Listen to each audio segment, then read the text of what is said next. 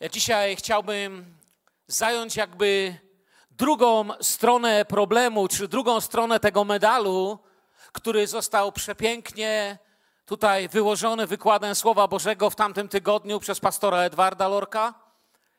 I nie wiem, czy pamiętacie, Duch Święty nas przepięknie dotykał, pouczał, Bóg nam pokazywał, że jest czas, jest na wszystko Boży czas. Pastor nam tłumaczył, że mamy czas żniw, jest czas niezmienny, który wyznaczył Bóg w pewnych widełkach, czego nie da się zmienić. Mówił też o czasie, który być może niektórzy z nas przegapili. Czasie, który zmarnowaliśmy, być może czasie, za który nawet musimy przeprosić, pokutować. Przepiękny wykład na temat czasu. Jeżeli nie słuchaliście go jeszcze, nie było was, koniecznie odsyłam was na naszej stronie tydzień temu. Bardzo dobry, bardzo piękny wykład. Mało tego, powiem w ten sposób, że nawet gdyby odwrotna była kolejność, czyli pastor Edward mówiłby dzisiaj, a ja tydzień temu, to dokładnie myślę, że to samo mówiłbym, co dziś miałem powiedzieć, że Pan mnie prowadził do tego słowa. Napisałem sobie notatki, czy jakby myśli do tego słowa, właściwie takie przemodlone przez ostatnie dwa czy trzy tygodnie z tym chodziłem. I tak samo dotyczyło w jakiś sposób Bożego czasu. Myślę, że to coś znaczy. Chciałem zatytułować to słowo, że będę wypatrywał mojego Pana. Będę wypatrywał Pana dokładnie. I chcę być tym, kim mam być we właściwym czasie.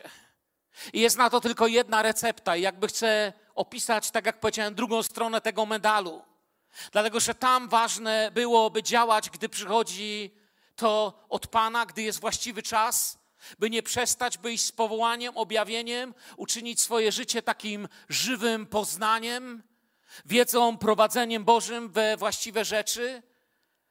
A ja dzisiaj chcę powiedzieć o czekaniu, czyli jakby odwrotność. Nie stawiam tego kroku do działania, ale czekam na ten właściwy czas, który było powiedziane. Jest czas.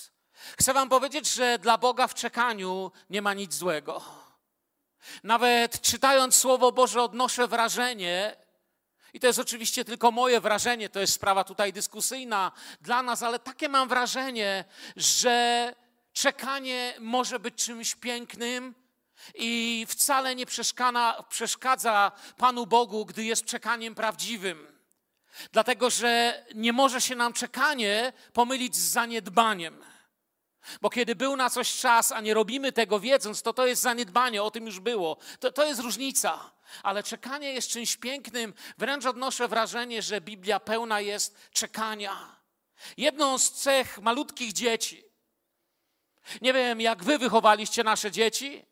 Przynajmniej kiedy nasze dzieci były małe i kiedy na przykład e, szliśmy do sklepu, to nie pozwalaliśmy naszym dzieciom, a jeśli by się to zdarzyło, one, tu znaczy dzisiaj tu jest dwójka, ale one o tym wiedziały zawsze, że tylko raz im się może zdarzyć coś takiego, że nie wiem, że zaczęłyby krzyczeć na cały sklep, nie wiem, paść na podłogę. Ja widziałem takie sytuacje, nie tylko z filmów je znam, ale z autopsji. Widziałem je w sklepach z zabawkami, innych, kiedy dziecko pada i krzyczy, ono chce zabawkę już. Nasze dzieci tego nie robiły, a jeśli to robiły, to miały bardzo trudny czas tego dnia. Dziecko ma taką cechę, ono nie chce słyszeć słowa nie teraz i poczekaj. Gdy odmawiasz mu, to jego dziecinność, którą my mamy obowiązek kształtować, mówi, a ja chcę dziś.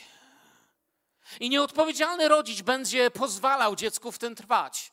Rodzic, który wychowuje dziecko zgodnie ze Słowem Bożym, będzie wiedział, że przyszedł czas na przerobienie na jego poziomie pewnego tematu.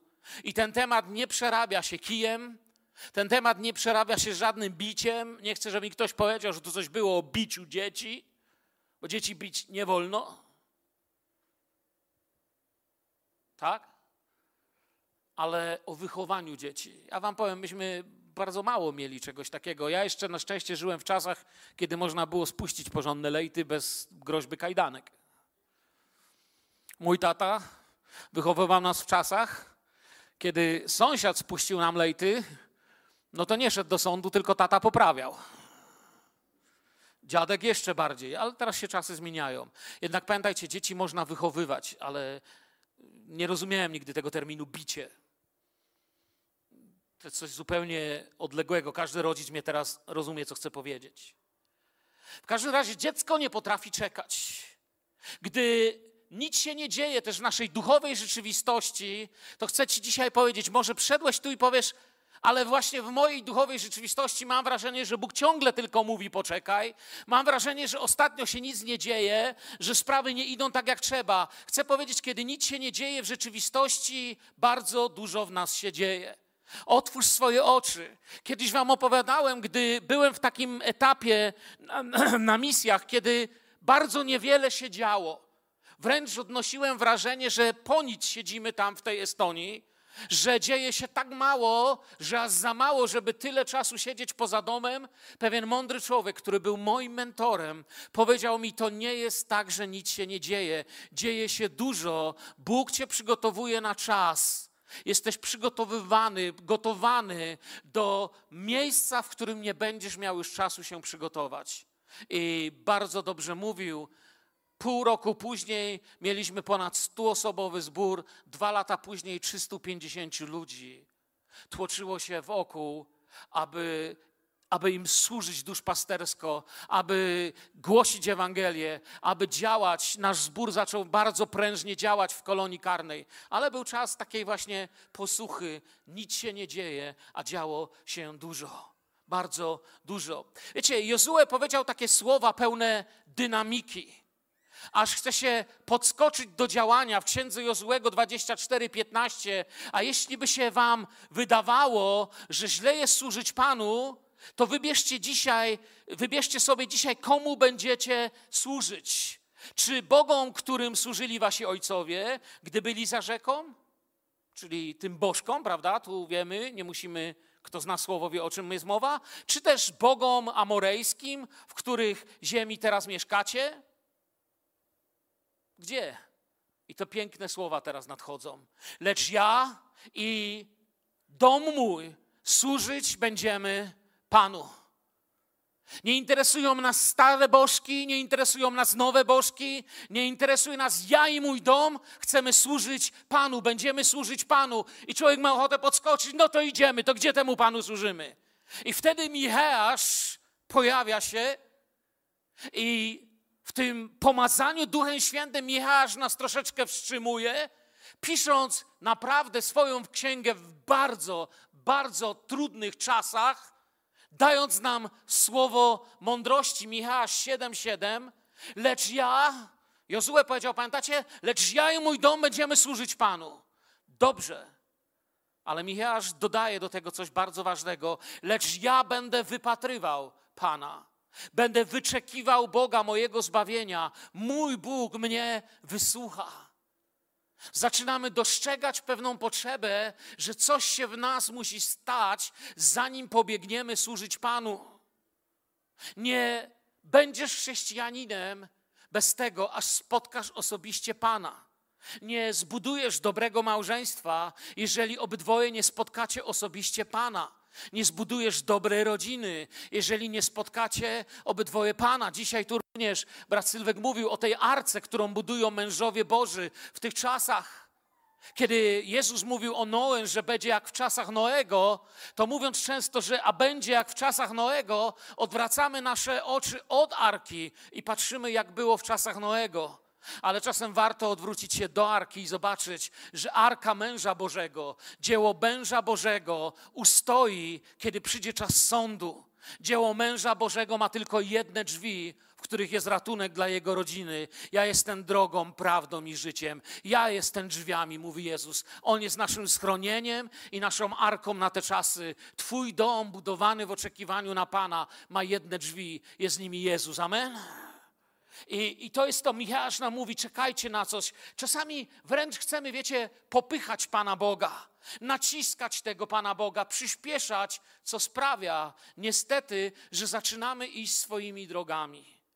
Kiedy liderzy, kiedy mamy spotkanie z liderami tu w zborze różnego rodzaju służb, czy gdzieś indziej, kiedy wyjeżdżam na takie spotkania, bardzo często krótko jednym zdaniem czy dwoma odpowiadam, bo czasem ktoś mnie pyta, w jaki sposób rozpoznajesz, że Twoje działanie jest w woli Bożej. I oczywiście temat jest szeroki, ale bardzo często moja pierwsza odpowiedź jest taka bardzo krótka. Mówię w ten sposób: w czasie, kiedy odkrywam, że nie mam na nic czasu, przestaję spać spokojnie, przestaję funkcjonować spokojnie, tysiąc rzeczy w zborze i w kościele szarpie mnie na wszystkie strony, wtedy odkrywam, że prawdopodobnie wyszedłem poza wolę Bożą, bo wolą Bożą nie jest mnie rozszarpać. Wolą Bożą jest nas prowadzić. Jesteśmy królewskim kapłaństwem, ludźmi, którzy mają nieść pokój, błogosławieństwo i Ewangelię, a nie jakąś nerwicę religijną. Zgadzacie się? I wtedy odkrywam, że, że moment to nie jest to, co Bóg ma dla mnie. To nie może tak być. I oczywiście często za tym stoją moje dobre motywy. To wiecie, nie jest tak, że ja źle chcę. Ja chcę dobrze, tylko strasznie dużo tego. Kiedyś w życiu trafiłem nawet przez to do szpitala. Marek w ósmym rozdziale, w 36 wersecie mówi takie słowa: Albowiem cóż pomoże człowiekowi, choćby cały świat pozyskał, a na duszy swej szkodę poniósł. Przed tymi słowami Jezus mówi o krzyżu i o zaparciu się siebie. Wpatrujcie się w te słowa. Przed nimi Jezus mówi, że trzeba wziąć krzyż i zaprzeć się siebie. Zaraz po tych słowach Jezus mówi o wstydzeniu się Go. A więc brak niesienia krzyża i wstyd, jeśli chodzi o to, kim jest Jezus, a pośrodku właśnie ten werset, który tu mamy. Jedno i drugie jest wynikiem własnych planów, wartości i priorytetów. I dlatego Słowo Boże mówi: co ci z wszystkiego, jeżeli własną duszę tracisz? I my na to czasem patrzymy na takiej trochę dziecinnej zasadzie: to do piekła iść czy do piekła nie iść. Traci duszę, nie traci duszę. Tu jest dużo głębsza rana miłości.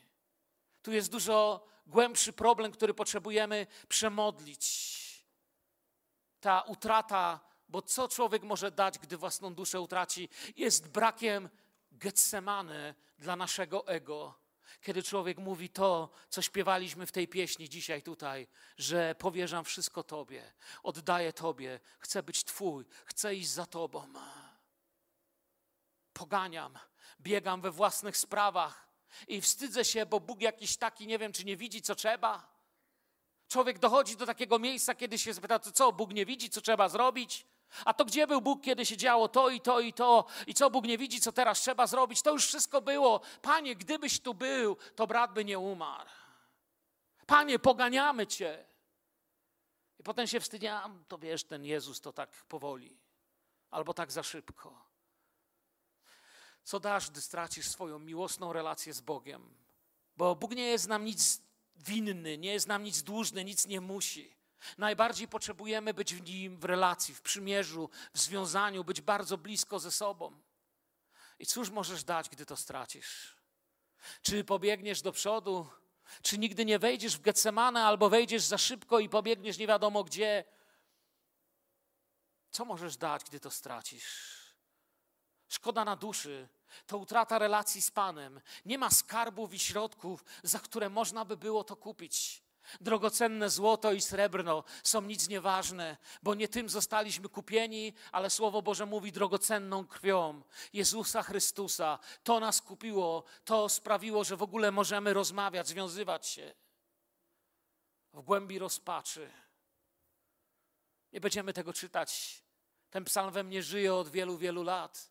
W głębi rozpaczy psalmista, widząc marność swoich wysiłków, w końcu ja myślę, że głosem pełnym łez, a pisząc drżącą ręką przez łzy, powiada: Więc oczekuje dusza moja Pana bardziej niż straże świtu i bardziej niż stróże poranku.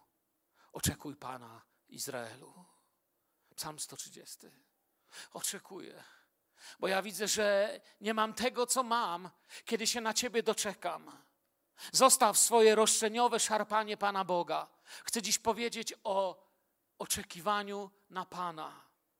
To, to bieganie, to szarpanie Pana Boga, to wymyślanie tego, co Pan Bóg mógłby chcieć i co trzeba dla Niego zrobić, to jest dziecinada. Rodzi ten sam płacz i to samo rzucanie się, co w sklepie, kiedy się nie dostanie zabawki. Bo czekanie nie jest y, czymś, co, się, co stoisz i nic się nie dzieje. Kiedy czekasz na Pana, nigdy nie jest tak, że nic się nie dzieje. Nic się nie dzieje. I to Wam chcę pokazać w oparciu o Słowo Boże, a nie jakieś moje wymysły.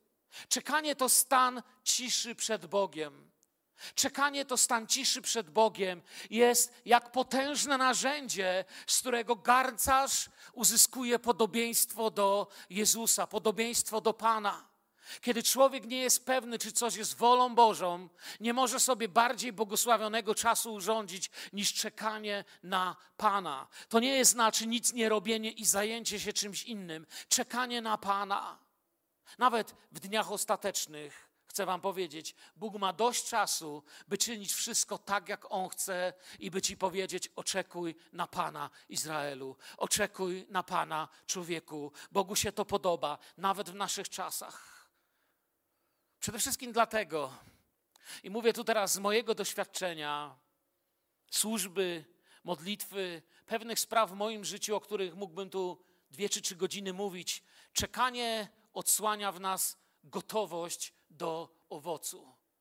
Czekanie pokazuje, czy jestem gotowy, aby zakiełkował we mnie owoc. Tych owoców Biblia opisuje wiele, owoców Ducha Świętego, ale tutaj tym owocem jest cierpliwość. W Grece makrotumia, czyli powiedziałbym, to tłumaczyć dosłownie możemy jako, ja nie jestem najlepszy tutaj z greki, bardzo cienki jestem, a, ale wiem, że można to przetłumaczyć jako głęboki czy długi oddech. Oczekuj na Pana. Nie śpiesz się, bo, bo zrobisz coś po swojemu, zrobisz nie tak, jak należy. Długi oddech. Nagle kończy się sapanie, dyszenie, gniew, poganianie i ten owoc niesie z sobą cierpliwość, niesie z sobą witaminy, wzmacnia tą naszą, że tak w cudzysłowie powiem, duchową chłodnicę. Czasami, gdybyśmy mieli taki duchowy termometr na czole, który można by było przyłożyć i pokazywałby nas duchowy stan, to czasami albo nam bulgota pod pokrywką, albo sam lód. A lód często dlatego, bo wcześniej bulgotało i nic się nie stało. Człowiek chce pędzić. Boże działanie nigdy nie popchnie nas też do łamania zasad Słowa Bożego. W cierpliwości Słowo zaczyna nabierać na znaczeniu i oświetla całą perspektywę, całą prawdę. Oczekuj na Pana. Naucz się oczekiwać. Wielu z Was tutaj jest powołanych do różnych służb. Bóg na drodze waszego życia widzi piękne rzeczy, które możecie dla Niego zrobić. Nie przegapcie tego zakrętu, ale też nie skręćcie za wcześnie. Oczekuj na Pana, daj się Jemu poprowadzić. Bóg nie martwi się naprawdę mijającymi okazjami. Bóg nie martwi się inflacją, żebyś się musiał śpieszyć. On od początku pracuje nad jednym w nas, nad obrazem Jezusa. A gdy to przemija. Gdy tego zaniedbujemy, wtedy Duch Święty bywa zasmucony. Boga nie smuci inflacja, przymijający czas, leczące chwile, kiedy my się trzęsiemy, że coś przegapimy. Spokojnie, spokojnie, spokojnie. Im dłużej trwa czekanie, tym bardziej dostrzegamy, jak bardzo coś często nie jest z nas. Po drugie, czekanie odsłania nasze prawdziwe motywy. Naprawdę to, czego chcesz. Wiecie, dlaczego niektórzy ludzie się gniewają, kiedy im powiesz, poczekaj? Bo odsłaniają się ich prawdziwe motywy. Czekanie odsłania nasze prawdziwe motywy, zostaje poddane obróbce, co w nas najlepsze i co najgorsze, kiedy czekamy. Bóg uczy nas w nim oddania. My chcemy to skrócić, bo często wiecie, czy jako biznesmen, czy jako pastor, czy jako y, rzemieślnik, uczeń, ktokolwiek, my chcemy odnieść sukces. Sukces, który jest mierzony miarą ludzką. I dlatego czekanie nie zawsze nam jest na rękę, bo ja chcę już, niech wszyscy widzą, zobaczcie, oto ja. A czekanie mówi, wycisz się, zamilknij przed nim cała ziemia. Zobaczcie, oto Jezus. Czekanie pokazuje nasze motywy, nasze dobre intencje upadają. Kiedy czekamy, rozwija się charakter sługi Bożego. Czekanie na Pana przybliża nas do Niego i uczy zależności we wszystkim. Czekanie na Pana jest lepsze niż planowanie jakiejkolwiek strategii. Mojżesz, Józef, Dawid. Tylu ich w Biblii, każdy z nich miał okazję, by zrobić wcześniej coś, by pomóc w wypełnianiu się obietnicy. Chcieli trochę pomóc temu, co Bóg obiecał. I sami wiemy, że w życiu wielu Bożych ludzi, kiedy na siłę próbowali przyspieszyć Boże obietnice, kiedy nie czekali na Boży czas, nie czekali na Pana, choć są Bożymi ludźmi, są w Biblii, wielu z nich się poraniło, bo zrobili coś za szybko, za bardzo, za, za, za, za, za mocno to, to poszło. Nawet Józef, który taki nieomal bez skazy w Biblii, za szybko opowiadał braciom, chwalił się, miał nie wiadomo co do powiedzenia. O Abrahamie to już nawet nie wspomnę. Miał mieć dziecko, żona coś nie mogła urodzić. Zaczęło się chłopu wydawać, że za późno jest. Postanowił trochę Pana Boga na popych zapalić. I tak na popych okien Ducha Świętego czasami Kościół próbuje ściągnąć. Na popych zaczynamy coś udawać, zaczynamy coś wymuszać. Ale trzech mężów przyszło i mówi za rok o tej porze. Sara będzie miała dziecko. Oni się zaczęli śmiać. Sara, nie wiem, może miała jednego zęba, dziecko za rok. Zobacz na mnie. A wiecie co? Jakiś czas później, jak to dziecko się urodziło, ja nie wiem, co się z jej wyglądem stało, ale znów musiał mówić, że to jego siostra. Dzieją się piękne rzeczy, kiedy czekamy na Pana. Kiedy wyprzedzamy Pana, to przynosi tragedię. Nie pokrywa się z Bożym charakterem, z Bożym planem. Dopiero pełna zależność od Bożych źródeł i słowa przynosi zmianę. I chcę Wam powiedzieć, czekanie. Czekanie nam ludziom przy, kojarzy się z przystankiem. Przystanek jest trudny, bolesny, jest czasem agonii często i strachu, czasem zmagania się z innymi głosami. Nie zawsze chcemy sobie pozwolić, nie zawsze człowiek ma ochotę powiedzieć: Poczekam. Pamiętam mojego przyjaciela, który udzielał duszpasterską poradę pewnemu małżeństwu. Spoza Bielska przykład. To nie było tu u nas. I to małżeństwo przyszło i mówią do niego: Zostały dwa miesiące do naszego ślubu, ale on ich słuchał tak uważnie, a oni chcieli od niego usłyszeć, co on myśli, chcieli wiedzieć, co Pan Bóg myśli o tym, co robią. I w pewnym momencie do nich mówi: Czuję, że powinniście jeszcze rok poczekać z waszym ślubem. Wiecie, i chłop wybuchł gniewem, ten chłopak. Zaczął wyrzucać temu pastorowi bo, bo to nie jest normalna sytuacja takie coś ludziom robić. Potem czas pokazał, że mąż Boży widział głębiej. Widział rzeczy, które ten mężczyzna ukrył przed tą kobietą. Gdyby poczekali, ominęliby mnóstwo tragedii, które potem poprowadziły ich drogą szpitali, więzień i strasznej rozpaczy, ale nie chcieli czekać. Czasem ten przystanek jest trudny bo powoduje agonię naszych pomysłów, powoduje, że zaczynamy się bać, że tracimy okazję, a Bóg mówi: poczekaj na Pana. I ktoś powie, no fajnie ci się mówi, poczekaj na Pana, ale coś głębiej, co to znaczy? Zaraz do tego dojdę. Biblia opowiada nam o oczekujących na Pana. Jak już mówiłem o Abrahamie, Czekają, czekanie wypływające z dojrzałości wie, że pośpiech drogo kosztował. Chcę ci powiedzieć, jeśli się śpieszysz bez modlitwy, prawdopodobnie zapłacisz za to dużo więcej i będziecie to boleć. Pośpiech drogo kosztował. Pośpiech daje nam poczucie własnej wartości, oczywiście, własnych możliwości. Czekanie czasami wygląda jak przepuszczenie okazji. Lecz my nie jesteśmy ludźmi, którzy pielgrzymują w okazjach, ale w wierze pielgrzymujemy. Nasze życie jest powołaniem, nasze życie jest Bożym prowadzeniem. Hiob. Hiob jest dla mnie absolutnie wstrząsającym przykładem czekania. Kiedy czytam księgę Hioba, Często, kiedy mamy ten zborowy post, wtedy jest też dla mnie taki czas, że lubię przeczytać całą księgę Hioba. Przez właśnie wszystkie te dni tego postu i modlitwy, kiedy jesteśmy skupieni przed Panem. To nie był miły przystanek, to nie był miły czas czekania. Czasem jest jak u Hioba.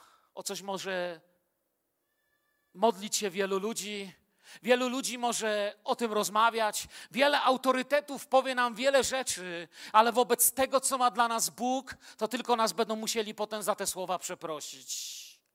Tak naprawdę koniec następuje, koniec czekania następuje z osobistym spotkaniem z Bogiem. Czekałem, czekałem na Pana, psalmista pisał, a On się nade mną pochylił. Moment czekania następuje, kiedy spotkasz się z Bogiem. To jest piękne w księdze Hioba. Kiedyś będę chciał wrócić do tej księgi i pokazać Wam, jakie tam są perły ukryte. Jakie perły nawet w samym języku hebrajskim są tam schowane. Przepiękna księga opowiadająca o relacji, o miłości z Bogiem, o odkrywaniu tego, że kiedy Cię znam ze spotkania, to wszystko jest inne. No bo zobaczcie na Hioba. Utrata rzeczy, zdrowia, Ktoś powie, wiesz, teraz ostatnio mówią często o końcu świata, prawda? Nawet już w telewizji zaczynają mówić o końcu świata.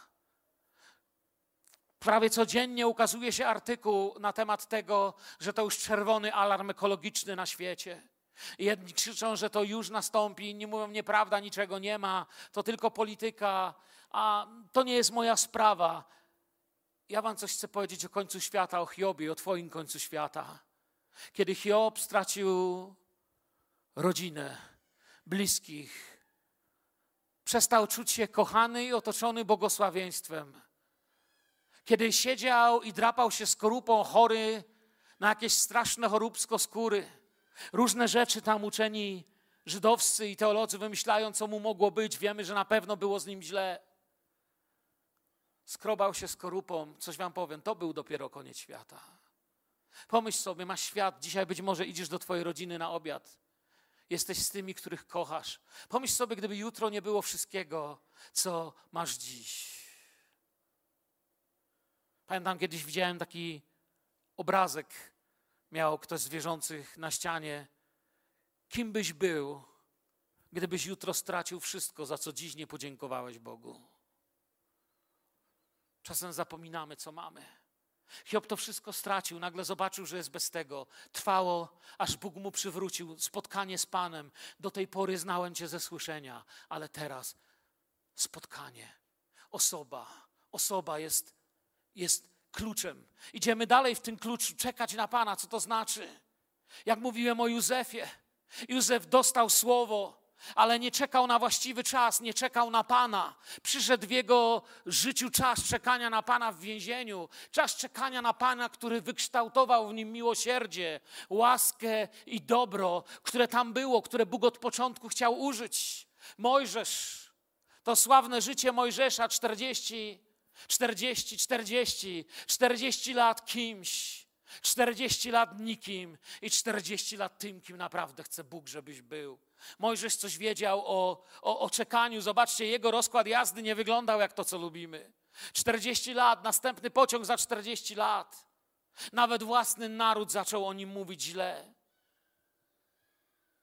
Czekać musiał.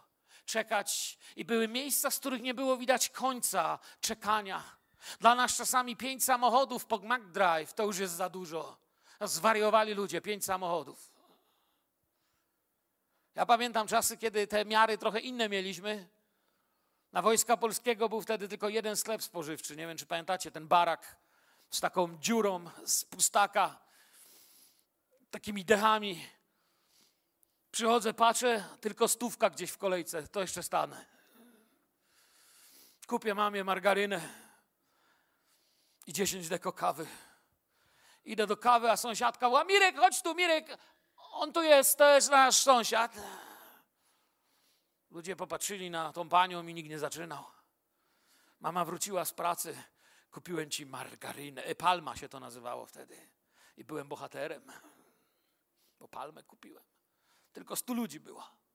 Wiecie o czym mówię? Czekanie. Różne mamy miary, ale Mojżesz się już nauczył. Ale tu jest jeszcze głębsza lekcja. Mojżesz się nauczył, jakie bolesne jest iść bez Boga. Poszedł bez Boga i pamięta, co, się stało? Zabił człowieka. Musiał się ukrywać. Stał się ścigany. I tak wygląda z naszym czekaniem, czasami w koś tym kościelnym czekaniem. Więcej z tego krzywdy niż pożytku, bo nie czekaliśmy na Pana, tylko pobiegliśmy. Księga Wyjścia 33:16. Po czym bowiem można poznać, że znalazłem łaskę w oczach Twoich, ja i lud Twój, jak nie po tym, że Ty pójdziesz z nami. Zatrzymajmy się na chwilę w tym miejscu. Zaraz przeczytamy dalej. Słyszycie to? To jest lekcja Mojżesza. To jest coś, co się nauczył, czego nie wiedział, kiedy pierwszy raz zatługł Egipcjanina. Jeśli Ty pójdziesz z nami, to idziemy. Bo jak Ty z nami nie idziesz, to ja już, ja już byłem, ja już wiem. Niektórzy z nas też już wiedzą, prawda? Co to jest, kiedy Pan z nami nie idzie. Jeśli, że Ty pójdziesz z nami, bo wtedy będziemy wyróżnieni. Ja i lud Twój spośród wszystkich ludów, które są na powierzchni ziemi. Bo jak Ty z nami nie idziesz, to ja się nigdzie nie wybieram. I to można przełożyć na Nowy Testament. To można przełożyć na XXI wiek. Dzieje apostolskie. To, co Jezus powiedział, pięknie nam w tym zaraz pomogą. Bo jeśli Bóg z nami, to któż przeciw? Ale jeśli nie, to co? Jak mówię wcześniej, w tej młodzieńczej gorliwości zakopuje trupa. Wychodzi na jaw i całe jego powołanie zamienia się w jedną wielką ruinę. Jaki prosty przepis, nawet w dzisiejszych czasach, na radykalne kazanie, czy bycie radykalnym, w cudzysłowie radykalnym, niewłaściwie radykalnym chrześcijaninem. Zabijać słowami. Zabijaj słowami, a masz pewny poklask wszystkich niecierpliwych.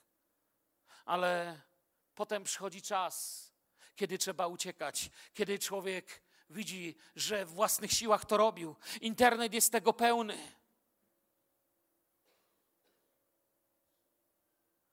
Gdy Pan gdzieś zaczyna działać, wtedy jest właściwy czas dla nas. Czekanie, czekanie na Pana, nie w gniewnych słowach, nie w poniżaniu innych. Czekam na Ciebie. Dla mnie takim przykładem jest też Kaleb i Jozue. Dzisiaj wielu, którzy wiedzą, że brakuje im cierpliwości, powinni spojrzeć na Kaleba i Jozuego Wrócili, wiedzieli coś, co nie widzieli inni ani nie wiedzieli. Tamci wymarli, tamtym się źle powodziło, ale ci stali i czekali na Boży czas. Nie uciekli od Izraela, nie założyli własnej grupy tych mądrych, co wiedzą, żeby się oddzielić od tych głupich, co nie wiedzą. Zostawili to Bogu. Nie uciekli do miejsca ratunku i chwały, bo takiego nie było. Wyobrażam sobie uwagi, które musieli znosić, kiedy mówili: Różmy, naród Boży powinien iść. Nie, trzeba czekać. Może nawet ktoś powiedział kazanie o czekaniu na Pana, żeby zamaskować swoje tchórzostwo. Przychodzi czas, ale bez czekania na Pana popełniamy głupoty.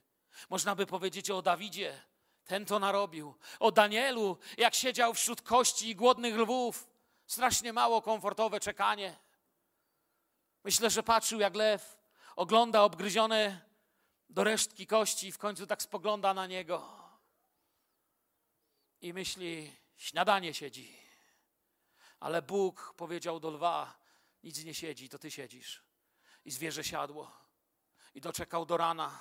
Czekałem, czekałem na Pana, a On przyszedł. O, tamtego dnia Zrób coś, zrób coś, zrób coś. Tamtego dnia Adam i Ewa nie poczekali na Boże odwiedziny, bo trzeba coś było zrobić, bo coś przypełzło. I coś mówiło do Adama i Ewy. No, na pewno Bóg powiedział, a może nie powiedział, a może to tak, a może inaczej. Weź coś zrób. I tak narobili.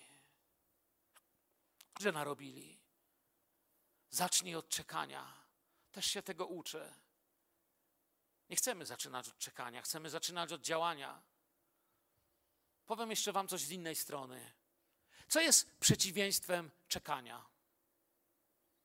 Czekanie na Pana, jego przeciwieństwem jest nieczekanie na Pana. Skomplikowane było, co? Ale zobaczcie, jakie straszne.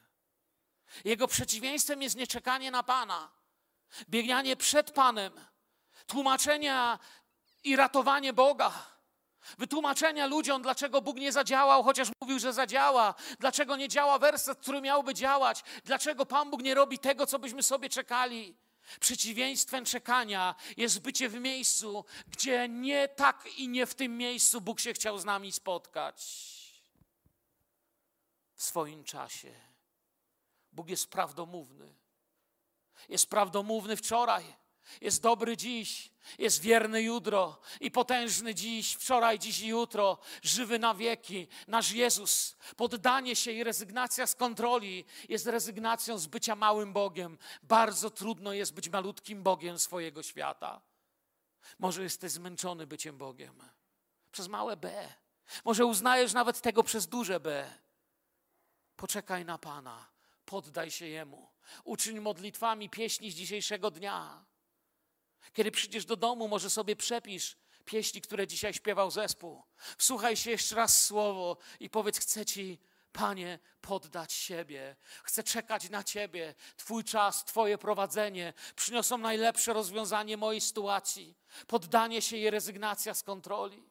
Poddanie się i rezygnacja z popychania. Bo nam czekanie kojarzy się z czasem i przystankiem. Sam nawet takie przykłady nieraz sobie dawałem i tak sobie to tłumaczyłem, lecz nie, zro, nie rozumiemy czekania na Pana bez prawdy słowa. Bóg nie myśli o czasie, kiedy o tym mówi. Ludzkie działanie i czekanie, wiecie co robi? Kiedy człowiek czeka tak po ludzku, to się męczy. Próbowaliście kiedyś malucha wziąć na nabożeństwo, gdzie był wykład, z którego on nie rozumiał nawet tytułu? Będzie się to wierciło. On będzie padnięty po dwóch godzinach bo nic biedny nie rozumie. Czekanie męczy na przystanku, czekanie na coś nas wykańcza. Kiedy gdzieś trzeba czekać, nie lubimy tego. To powoduje niewiarę, zmęczenie, sprawia, że tracimy cierpliwość. A oto Bóg mówi i ogłasza coś całkiem nowego. Bóg mówi w swoim słowie, że czekanie niesie odpoczynek, wzmacnia siły, odnawia je, sprawia, że stajemy się jak orzeł, który zaraz poleci. W Psalmie 27 przeczytałem tutaj Wam z takiego pięknego, starego tłumaczenia. Pamiętacie Biblię Gdańską? Bo bardziej oddaję to, co chcę powiedzieć. W Biblii Warszawskiej mamy tam nadzieję bardziej użytą. Też jest dobre słowo, po prostu inaczej przetłumaczył ten, który tłumaczył słowo, ale w Gdańskiej przepięknie jest to napisane. Jest dokładnie to, co chciałbym powiedzieć. Psalm 27, 14 w gdańskim przekładzie. Oczekujże Pana Zmacniaj się, a On utwierdzi serce Twoje, przetoż oczekuj Pana. Słyszycie? Tu pisze, że to oczekiwanie da nam siły. Czemu to przeczytałem? Bo mamy to hebrajskie słowo oczekuj. Nawet nie wiecie, jak pięknie po hebrajsku jest oczekuj. Każdy z Was od dziś będzie pamiętał, jak jest czekać po hebrajsku. Każdy Polak zna to słowo. Nie ma na tej sali jednego z was, który by nie znał tego słowa, tylko w polskim znaczeniu. Wiecie, jak jest po hebrajsku? Oczekuj kawa. Podoba się wam? Łatwo zapamiętać. Pięknie brzmi kawa. Oczywiście jego znaczenie jest tu inne, oczekuj, ale to nie jest to czekanie w sensie, w którym my właśnie myślimy, że zmęczony. Ludzie, zaraz wyjdę z siebie, ile jeszcze? To nie jest takie czekanie. Ten hebrajski tutaj, czy w ogóle to znaczenie czekania ma dużo głębsze lekcje dla nas do, do przerobienia jeszcze dzisiaj. Wiecie, ma wiele znaczeń. Jest wiele, y, które mógłbym y, tutaj poruszyć, ale dwa z nich mnie szczególnie poruszyły. Oczekiwać, po pierwsze, w tym hebrajskim znaczeniu znaczy niecierpliwie czekać. Ale tutaj to jest taka piękna niecierpliwość. Taka miłosna niecierpliwość, to jest taka niecierpliwość, jak ta w pieśni nad pieśniami. Pobiegnijmy, poprowadź mnie, weź mnie, zabierz, kocham, niecierpliwie czekać na Pana.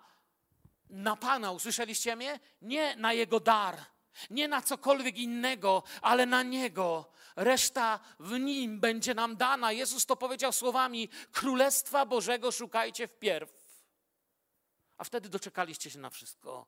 Wszystko inne będzie wam dodane. Niecierpliwie czekać. Reszta jest dane. Niecierpliwe czekanie w, w każdym innym wypadku będzie błędem. Drugie znaczenie jest jeszcze piękniejsze. Ludzie, to jest poezja. Drugie czekanie tego słowa czekać to jest splatać się, związywać razem. Podoba się Wam? Widzieliście kiedyś zakochanych? Ja mówię o takich zdrowych zakochanych. Ja nie mówię o tym rodzaju pożądania, które dzisiaj pomyłkowo nazywa się miłością. Mówię o zakochanych, którzy się spotykają, spotykają, ich losy się powoli splatają.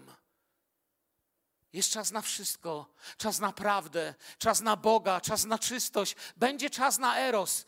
Jest czas na każdy rodzaj miłości w tym splataniu się.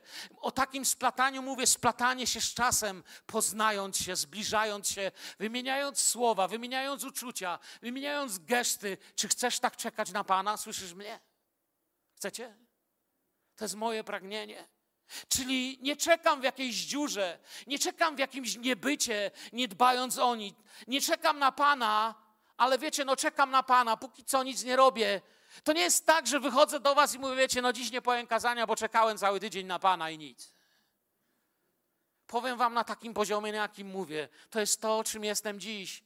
Więcej nie będę, ale to, czym jestem dziś, to jest moje czekanie na Pana. Kocham mojego Pana, kocham Jezusa, tak jak umiem, tak jak potrafię. Chcę w nim wzrastać. Tego Wam życzę, nam życzę, byśmy byli społecznością, która w nim wzrasta. Czekam, wiążąc się z nim, splatając moje poznanie z Jego obecnością moją obecność z Jego pouczeniem. I to dopiero zmienia wszystko, co za przepiękne słowo. Czekanie na Pana nie opiera się na czasie. Izajasz 40, 27, 31. Za mną zaraz zobaczycie to nasze tłumaczenie, a ja dla porównania będę wam czytał z innego, żebyście sobie mogli porównywać. Będę wam czytał z Izajasza 40, 31. Może tylko 31 werset, ja tam dałem więcej do wyświetlenia, ale czas nam leci. Ale ci, którzy oczekują Pana, nabiorą nowych sił. Wzbijają się na skrzydłach jak orły, będą biec, a się nie zmęczą, będą chodzić, a nie ustaną. To też jest właściwe tłumaczenie, co widzicie za mną, tylko z innej Biblii. Ta nadzieja, to pouczenie, to oczekiwanie, to odzyskiwanie sił Czekanie na Pana odsuwa zmęczenie, odnawia Waszą nadzieję, Waszą wiarę i Wasze chodzenie. Nie sprawia, że dzicie, dziczeje i staje się nieobecny. To czekanie sprawia, że łagodnieje i staje się bardziej obecny. Czekanie na Pana to nie czas, to relacja ponad czasem, ponad wszystkim. Zmierzając powoli do końca, Jezus wkrótce miał odejść do Ojca. A spożywając z nimi posiłek, mówią dzieje apostolskie, pierwszy rozdział, czwarty werset, nakazał im, nakazał im wielkie czekanie, które dotyczy każdego z Was również na tej sali. Mnie i Ciebie. Nie oddalajcie się z Jerozolimy, lecz oczekujcie obietnicy Ojca, o której słyszeliście ode mnie. Jan bowiem chrzcił wodą, ale wy po niewielu dniach będziecie ochrzczeni Duchem Świętym. To jest Kościół, który dopiero będzie mógł wyruszyć. Przez Ducha Świętego zostali powoływani, poruszani. Duch Święty działał pośród nich, ale jeszcze trzeba tej pełni w nich. Czekajcie, aż zostaniecie przyobleczeni mocą z wysokości. Dlatego pięćdziesiątnica jest taka ważna. Bez pięćdziesiątnicy idziemy o własnych siłach bez pięćdziesiątnicy to, co człowiek głosi, ani nie jest jakieś pomazane, może być właściwe nawet teologicznie, ale powoduje tylko dyskusję, nie powoduje tego, co chcemy. Ślepi widzą, chromi chodzą. Kościół niesie nadzieję i przemianę w świat. Widzieliśmy znaczenie tego słowa w Starym Testamencie. W Nowym Testamencie jeszcze bardziej otwiera oczy. Tutaj mamy w Grece perimeno, czyli pochodzące, to są właściwie dwa słowa. Znaczy czekać, zwlekać. Czyli jeśli jestem bez Ducha Świętego, powinienem zwlekać. Jeśli nie mam Bożego pomazania do czegoś, to powinienem poczekać i zwlekać. Nie powinienem dużo gadać, robić i działać, jeśli nie poczekałem na Pana w tej sprawie. Zwlekać z pójściem gdziekolwiek bez Ducha Świętego. Kiedyś już tutaj powiedziałem, że ludzie czasem się zastanawiają, czy można, czy nie można. Ja mówię, powinniśmy się stać ludźmi, którzy nawet nie pójdą na drugą stronę ulicy po chleb bez pewności, że Duch Święty w nas działa, żyje, że może przez nas działać. W Jana 15:5 nie będziemy tego czytać, jest o trwaniu w krzewie winnym. I tu jest to słowo meno. Tam były wcześniej dwa słowa, tu jest to meno, to główne, trwać w miejscu, nie odchodzić, nie zgubić się, wytrwać. Jeśli we mnie trwać będziecie, albo jeśli we mnie przebywać będziecie. Jedna z najbardziej duchowych i Bożych książek wszechczasów, jaka powstała. Andrew Murray, Abiding in Christ, przebywaj w Chrystusie, jest w języku polskim, nie jest chyba łatwo dostępna, ale jest. Powinniście sobie tą książkę z modlitwą i z ciszą przeczytać w domu. Przebywanie, czekanie, trwanie na Bożą pełnię. Tu jest to słowo. Kto oczekuje we mnie, a ja w nim. Kto czeka na mnie, ja będę w nim działał. To są Boże obietnice tego krzewu. W Ewangelii Marka uwaga uczniów była raczej przy eschatologii, czasach końca. To powiedz, kiedy przyjdzie królestwo, kiedy to wszystko się działo. Nie oddalajcie się, czekajcie. Uwaga Jezusa przy pójściu na świat ale nie z ludzkimi opiniami. Czekajcie na Pana, a On was poprowadzi, On was użyje. Czekanie na Pana to nie kwestia czasu, ale relacji, intymności, zakochania wiążącego moje życie z Nim. A więc właściwie zapraszam zespół. Możecie tu przyjść, będziemy się zaraz modlić. Nie pytaj już, jak poznać głos Boga, aby cię prowadził. Czasami ktoś ze zborowników przychodzi i mówi: A jak ty poznałeś, że masz jechać do Rosji? A jak poznałeś, że masz założyć zbór w Estonii? A jak ty poznałeś, że to czy tamto? Zrób pierwszy krok. Czekaj na Pana. Bądź blisko, trwaj w słowie i czekaniu, a zaczniesz w miarę trwania w Jego słowie, będziesz rozpoznawał Jego głos. Będziesz prowadzony. Zwlekaj z działaniem, dopóki nie doświadczysz splecienia się wszystkiego, co przez to chcesz dokonać z Panem. Jeżeli w jakimś moim działaniu jest moja pycha, moje ego, moje jakieś tam humory albo próba udowadniania czegoś, Bóg splatając się ze mną w tym hebrajskim znaczeniu czekania, usunie to. Czekałem na Pana. I kiedy Bóg powie idź, będę mógł naprawdę czysto przystąpić do danej służby. Wtedy nie będę niósł awantur, obrazy, gniewu. Czasem ludzie chcą służyć, ale gniewają się, kiedy ktoś nie przyjmuje takiej służby, jak oni by chcieli. Albo złoszczą się, że ktoś nie tak ich traktuje. Gniewają się, że nikt nie klaska po ich kazaniu albo po tym, co zrobili w kościele. Ponieważ nie spletli tego z tym, który nie przyjmuje chwały od ludzi. Czekaj na Pana. W tym nie pomogą inni, tylko czas na Pana. Czekanie na Pana to czekanie, by przyszedł w każdą sprawę, to związywanie się z Nim. Jezus wystarczy. Mam ogromne pragnienie pomodlić się z tymi z Was, którzy potrzebują oczekiwać Pana i widzą, że właściwie przystąpili do czegoś, ale nie jesteś pewny, czy to w tym więcej Twojego ego, czy aby na pewno robię to, co chce Bóg, a może robię coś dlatego, że ja chcę to zrobić? Za rok o tej porze będziesz płakał z tego powodu. Chcę się modlić z tymi z Was, którzy czują, że chcą przystąpić do jakiejś służby.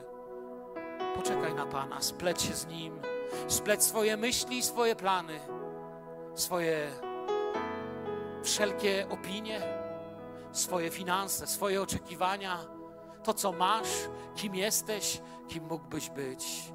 Chrystus wystarczy. Jezus wystarczy. Wstańmy, Kościele, a ci z Was, którzy potrzebują modlitwy, mogą liczyć na naszą modlitwę. Amen, bracia i siostry. Zapraszam tych z Was, którzy potrzebują modlitwy. Przyjdźcie tu do przodu. Zejdźcie tutaj, chcemy się o Was modlić. Zapraszam. Czy jest ktoś, kto potrzebuje modlitwy w tej sprawie? Czekamy na Ciebie z przodu.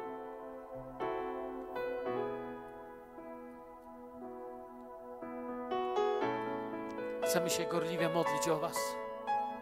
Chcemy się modlić, abyś był uzdolniony, czekać na Pana, aby Pan Cię poprowadził. Chodźcie do przodu, ci, co potrzebujecie modlitwy. Proszę bliżej chodźcie, żeby tam nie stać wszyscy tak w jednym miejscu.